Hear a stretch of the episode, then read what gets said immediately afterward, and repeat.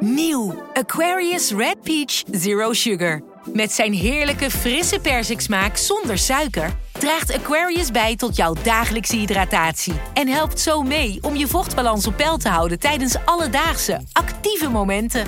Thuis, op het werk of onderweg. Ook verkrijgbaar in smaken lemon en orange. Probeer hem nu. Wie reist met NS, reist net even anders. Wij reizen groen, zonder moeite te doen. Oh, zo kan je dus ook een dagje weg. En wij werken in stilte. In stilte? Nou ja, met oortjes dan. Oh. Zo gaan we iedere dag vooruit. Wij allemaal. Stap je ook in?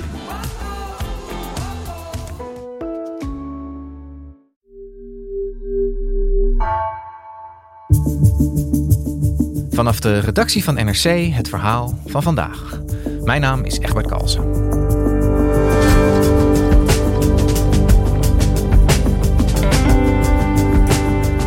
Deze week moet het kabinet een reactie geven op het stikstofadvies van Johan Remkes. Door de manier waarop hij zijn rapport presenteerde, voelden veel boeren zich voor het eerst echt gehoord en begrepen, ziet redacteur Karel Smouter.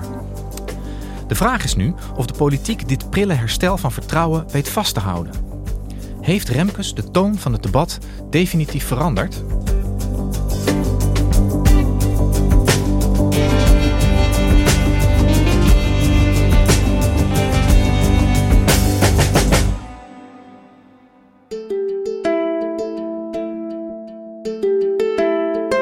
Ja, ik ben vorige week woensdag uh, langs geweest bij boer Gerrit van de Heuvel. Ik uh, ben uh, Gerrit van de Heuvel, pluimveehouder in Stoel, in de gemeente Barneveld. Man van in de 50 die een kippenboerderij op de rand van Stroe heeft, in het midden van Nederland. wij hebben ongeveer tussen de 80 en 90.000 kippen. Die komen als kuiken en die worden opgefokt tot legkip of voor de vermeerdering dat de kuikentjes uitgeboren worden die later weer legkip worden... of ze gaan naar de farmaceutische industrie, die eieren. Uh, hij was een van de boeren die uh, op 22 juni vorig jaar... het enorme protest in Stroe georganiseerd heeft. Uh, wat ik wilde weten van deze man is... Ja, hoe kijkt hij nou naar dat rapport van Johan Remkes... waar heel Nederland zo ja, naar uitgekeken heeft de afgelopen maanden... Neemt dat iets van zijn zorgen weg of stapt hij bij wijze van spreken morgen weer op de trekker om te gaan demonstreren? Dus ik ben bij hem langs geweest, we hebben de televisie aangezet, hij had een mooie flatscreen in zijn kamer en we zijn gaan kijken. Dames en heren, van harte welkom. Ik geef graag het woord aan Johan Remkes. Karel, jij bent, uh, jij bent voor de krant voor NRC al, uh, al vaker langs geweest in Stroe om te kijken hoe, uh, hoe er daar met de stikstofcrisis wordt omgegaan. Misschien is het goed om dat nog heel even kort samen te vatten. Waar ging die persconferentie van Remkes over? Wat was de aanleiding daarvoor? Ja, sinds de zomer van 2019 ligt er een opdracht van de Raad van State om minder stikstof stoten in Nederland. Nou ja, daar is veel discussie over geweest de afgelopen jaren. Maar de plannen van het kabinet werden naarmate de deadline 2030 om dit te realiseren vorderde eigenlijk steeds concreter. Aan het begin van de zomer lag er zelfs een kaartje waarop precies te zien was welke uitstoter precies moet stoppen met hoeveel uitstoot. Nou, dat heeft tot een zomer vol boerenwoede geleid. En uh, zoveel woede dat het kabinet eigenlijk gewoon niet aan de uitvoering van die plannen kon beginnen. En daarom hebben ze Johan Remkes ingeschakeld om ja, het gesprek hierover, dat ja, eigenlijk helemaal ontspoord was, weer op het uh, goede spoor te krijgen. Ja, Remkes die moest de rol van bemiddelaar op zich nemen tussen, tussen de boeren en het kabinet. Hè. Er was een hoop wantrouwen, denk ik, ontstaan, kunnen we wel zeggen. Met, met welke aanbevelingen is hij gekomen? Wat, wat was de kern van die persconferentie van afgelopen woensdag? Nou, hij is eigenlijk met een, uh, een serie van 25 aanbevelingen gekomen. Voor de korte termijn en voor de langere termijn. Op de korte termijn zegt hij, moeten we echt vaart gaan maken. Dan moeten zo'n 500 à 600 piekbelasters nog dit jaar ofwel hun bedrijfsvoering veranderen, ofwel verhuizen, ofwel stoppen. Ja, piekbelasters zijn mensen die heel veel uitstoten, ja, heel veel stikstof uitstoten. Ja, overigens niet alleen boerenbedrijven, maar dat geldt ook voor andere bedrijven van natuurgebieden. Dus uh, wat Remkes daarnaast zei is, we houden vast aan 2030 als uh, deadline. Maar, en dat is voor boeren echt belangrijk, in 2025 en in 2028 gaan we wel kijken of, of die plannen ook echt gehaald kunnen worden. En of er misschien andere deadlines nodig zijn voor specifieke gebieden. En daarnaast maakte Remkes ook veel ruimte, ook in zijn persconferentie, voor eigenlijk een pleidooi richting politiek, richting media, de culturele voorhoede, om een andere toon aan te slaan richting uh, boeren. De manier waarop in politiek, media en door de culturele voorhoede soms over het platteland en de daar levende opvattingen wordt gesproken, is voor veel mensen een steen des aanstoots. Te vaak was zijn analyse. Er zijn boeren weggezet als ja, vervuilers, als misdadigers misschien zelfs. Die uh, nou, liever vandaag dan morgen nog met hun bedrijf moeten stoppen. Er is geen boer te vinden die niet om de natuur geeft. Dat wordt in discussies te vaak vergeten. Een deel van de boeren ervaart dat ze nu als verliezer in het verdomhoekje worden gezet. Alsof het allemaal hun schuld is. Jij was bij Boer Gerrit in Stroe. Uh, je hebt met hem die persconferentie bekeken. Hoe viel uh, die persconferentie van Remkes bij hem? De eerste drie kwartier hebben we niks tegen elkaar gezegd. Maar daarna uh, zijn we, terwijl de tv nog aanstond, eigenlijk gaan recenseren. Maar wat hebben we nou net gezien hier? Maar hij geeft in ieder geval wel perspectief. Ik zie geen aanleiding om nu op de trekker te stappen en de weg op te rijden. Nee, ja? nee. Je zag uh, aan de ene kant dus de opluchting en uh, dat, dat er eindelijk iemand wat met gezag, met een bepaalde status, hè, het is natuurlijk echt een staatsman zoals hij er staat, dat sprak hem heel erg aan, erkende dat ze, zij er mogen zijn. Eerst erkent hij dus de wanhoop. Ja. Dat is al heel belangrijk, dat je in ieder geval erkenning krijgt van, uh, van je gevoel. Ja. Je bent ook gewoon mens. En aan de andere kant uh, ontzettende boosheid op het kabinet, die ook heel snel al wel weer de kop opstak. Dus uh, hij begon te fulmineren over uh, Rutte. Ik ben er helemaal klaar mee. Die man die, hij is onzichtbaar. Die visies die hebben we gewoon niet meer in dit land. En we hebben het hier over een man die jarenlang VVD gestemd heeft, ook jarenlang op Rutte gestemd heeft. Hoge verwachtingen had van die man. Wat voor tekortkomingen heb je toch wel niet allemaal in petto als je niet in staat bent om gewoon het land perspectief te bieden?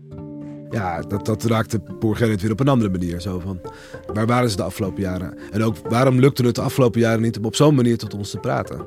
Heb jij nog meer boeren gesproken? Wordt er over het algemeen zo gereageerd op de speech? Ik heb onder andere gesproken met Piet Boer, een melkveehouder uit uh, Biddinghuizen.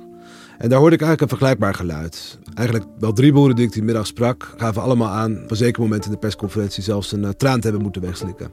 Dus uh, met name de passage ja, dat wanhoop in de ogen stond van hele redelijke mensen. Hoewel wetsovertreding en intimidatie altijd afgekeurd moeten worden... ben ik geschrokken van de oprechte wanhoop die in de ogen van redelijke mensen te zien is. Dat daar heftige emoties uit volgen, begrijp ik heel goed. Dus, uh, dus dat beeld dat werd eigenlijk wel bevestigd op die uh, eerste middag. Ja, alsof ze recht gedaan waren als sector. We, hebben het veel over, over de toon die Remkes wist aan te slaan in die persconferentie. Heb jij inmiddels een beetje greep kunnen krijgen op wat dat dan precies is? Wat maakt dat nou anders dan het kabinet deed? Want inhoudelijk hè, wijken de aanbevelingen van Remkes niet eens zo heel veel af van wat het kabinet aan plannen heeft, uh, heeft liggen. Ja, het zit hem in dingen als nou, de volgorde waarin je dingen zegt. Dus hij begon bijvoorbeeld heel erg met het benadrukken van het belang van de sector voor de economie, voor Nederland als samenleving. En het zit hem ook in het feit dat hij uh, zich niet verschuilt achter allerlei rapporten of uh, akkoorden die in het verleden zijn gesloten. Maar dat hij de boeren direct aansprak en zei: Dit is wat de bodem van ons vraagt. En dat is een taal die op een of andere manier beter landt bij boeren dan, uh, dan het kabinet tot nu toe gedaan heeft. Dus hij verschool zich nergens achter, maar ja, ging eigenlijk als het ware voor zijn zaak staan. En dat is wel het soort duidelijkheid en eerlijkheid waar boeren hem ook om gevraagd hebben. En ja, die ook echt gewaardeerd wordt door een belangrijk deel van de sector. Ja. ja. En waarin wijkt dat dan af van hoe het kabinet met ze heeft gecommuniceerd tot nu toe? Nou, het kabinet, in de beleving van boeren althans, heeft uh, ja, vaak gezegd van nou, er is nu eenmaal een juridische werkelijkheid. En de juridische werkelijkheid is dat de Raad van State heeft gezegd dat we geen stikstof meer mogen uitstoten op natuurgebieden. Dus jammer, maar het is niet anders. Ja, op zo'n manier ja, maken we het eh, als het ware heel abstract. Hè? Een ander voorbeeld van communicatie zeg maar, was natuurlijk het beruchte kaartje. Uh, waarmee begin juni op detailniveau werd aangegeven van... nou, deze boer moet misschien wel sluiten. Ja, je zou het kunnen zeggen, het is het verschil tussen de kaart en het gebied. Hè? Dus op het moment dat de overheid zeg maar, kijkt naar een bepaald gebied door middel van een kaart... dus ja, als een soort abstractie. Maar als je in dat gebied woont, waar die kaart over gaat... Ja, dan heb je het over echte mensen met echte gevoelens. En nou ja, in de beleving van boeren is daar uh, de afgelopen jaren uh, aan voorbij gegaan aan die realiteit. Ja. Dus misschien het belangrijkste van wat Remkes met zijn uh, verhaal deed, was de mens achter de boer, zeg maar, voorop stellen. Ja, en de overheid heeft, heeft misschien wel te technocratisch, zou je dat zo kunnen samenvatten, gecommuniceerd ja. hierover? Ja, ja, ik denk dat dat de, de kern de kritiek geweest is van veel boeren. Ik ben eigenlijk gaan denken, was de stikstofcrisis niet eigenlijk een belangrijk deel ook een communicatiecrisis van een overheid die als het ware nou ja, te top-down met burgers, met boeren communiceert. En ook te weinig gevoel aan de dag legt voor de geleefde werkelijkheid van uh, inwoners van het Nederlandse buitengebied. Ja. En ook als je even uitzoomt, en Remkes zegt het ook, ja, dan is stikstof natuurlijk nog maar één van de uitdagingen die op het boerenland afkomen. Ik bedoel, de volgende deadline uh, is denk ik de Parijsakkoord, waarbij ook allerlei doelen gerealiseerd moeten zijn voor 2030. Dat gaat het aanzien van het Nederlandse platteland uh, en het leven daar ontzettend veranderen. En het gesprek over de toekomst van het Nederlandse platteland wordt in de beleving van veel boeren te veel vanuit de stad gevoerd en te weinig ja, met de mensen die het echt werkelijk betreft. En, en die erkenning van die boeren en het feit dat er nu in de, hè, dat, dat ze bij Remke zien dat er naar ze geluisterd is, dat, dat heeft denk ik een deel van dat, van dat hyper gepolariseerde debat uh, in ieder geval tijdelijk geblust. Nou zitten we deze week uh, te wachten op de reactie van het kabinet. Uh, heb je al enige indicatie hoe dat eruit gaat zien? Uh, de vraag is natuurlijk of het kabinet deze toon kan vasthouden. Dus uh, Remkes zei ook uh, tegen het kabinet van jullie moeten het land in, vaker nog dan in het verleden, de zeepkist op. Niet alleen praten, maar ook luisteren. En als er vragen komen, echt inhoudelijk antwoorden.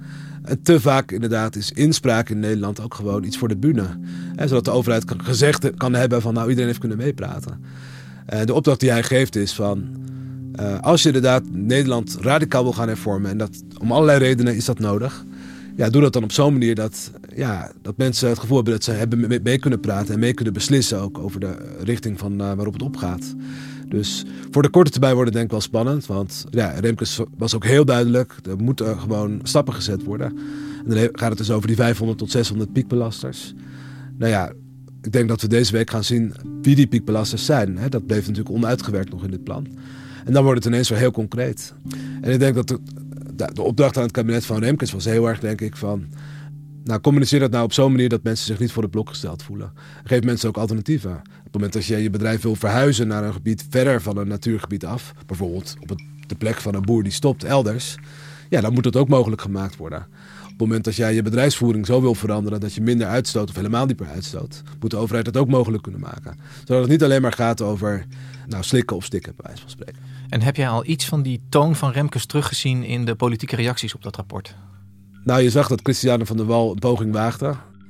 En daarna hebben we in juni met elkaar de stap gezet naar wat betekent nou die opgave per gebied. En ik besef me dat die duidelijkheid die je dan moet geven, ook tot heel veel zorgen, onrust, onzekerheid en emoties voor heel veel boeren in al die gebieden En ik besef me ook hoe erg dat is. En dat spijt me ook. Helemaal omdat dat ook in combinatie is met een gebrek aan perspectief. En ze zei dat ze terug zou komen met andere kaartjes op andere abstractieniveaus. Ja, dan, dan denk je bijna van... we gaan het zo moeilijk maken dat jullie het niet meer begrijpen. En wat je zag is dat na een dag waarop de toon van Remkes zeg maar, en de lof daarover overheerste, ging het eigenlijk aan het eind van de middag al mis toen uh, een uh, microfoon een gesprek opnam tussen een journalist en Jesse Klaver van GroenLinks. Uh, waarin ze eigenlijk een beetje aan het spoezen waren over de boeren. Van, zul je zien dat ze straks het rapport echt gaan lezen, dat ze uiteindelijk toch weer gaan demonstreren. Het is heel te lang en dan gaat iedereen er weer naar kijken. En dan gaan er weer protesten komen, denk ik, als ze echt zien wat erin staat. Ja. Beschrijft gewoon alles waar ze boos over waren. Dat blijft gewoon. En het toontje van Klaver, zeg maar, ja, dat, dat heeft het boerenbloed zeg maar, meteen weer uh, aan het koken gebracht. Hè, het gevoel dat, uh, dat, dat zo'n gesprek geeft is, zie je wel, de journalistiek, de politiek, ze zijn achter onze rug om. Als, als de camera niet draait, zijn ze uh, eigenlijk al het voorsorteren op, op het einde van onze sector. En dat is wat een boer hoort als hij zo'n fragment hoort. Mm -hmm. En dat is vast niet zo bedoeld, maar dat is wel het effect ervan. Ja, en de echte vraag is natuurlijk uh, hoe uh, boeren denken over dit uh, thema als het stof een beetje is neergedaald. En dat gaan we morgen horen. dan wordt bekend hoe de leden van LTO, de grootste boerenorganisatie van Nederland, reageren op het advies van Remkes. dan wordt ook bekend of het aanvankelijke enthousiasme, wat toch wel bij veel boeren op te tekenen viel, of dat beklijft. Of dat er nou ja, op het moment dat mensen gaan lezen, toch het gevoel ontstaat dat hun iets anders wordt voorgeschoteld dan de praktijk uiteindelijk plek te zijn. Dus het debat hierover is nog niet ten einde, als ik jou zo goed hoor. Nee, ik eh, ben bang van niet. Dankjewel, Karel. Graag gedaan.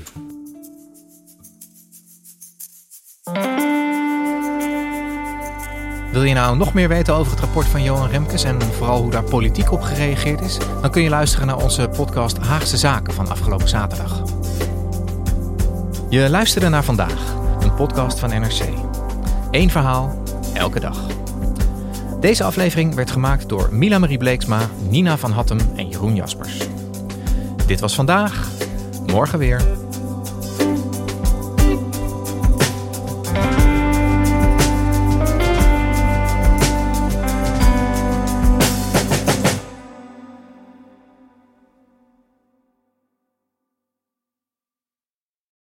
De financiële markten zijn veranderd, maar de toekomst, die staat vast. We zijn in transitie naar een klimaatneutrale economie. Dit biedt een van de grootste investeringskansen van onze generatie. Een kans voor u om mee te groeien met de pioniers van morgen. Meer weten? Ga naar carbonequity.com. Carbon Equity. Do good by investing better.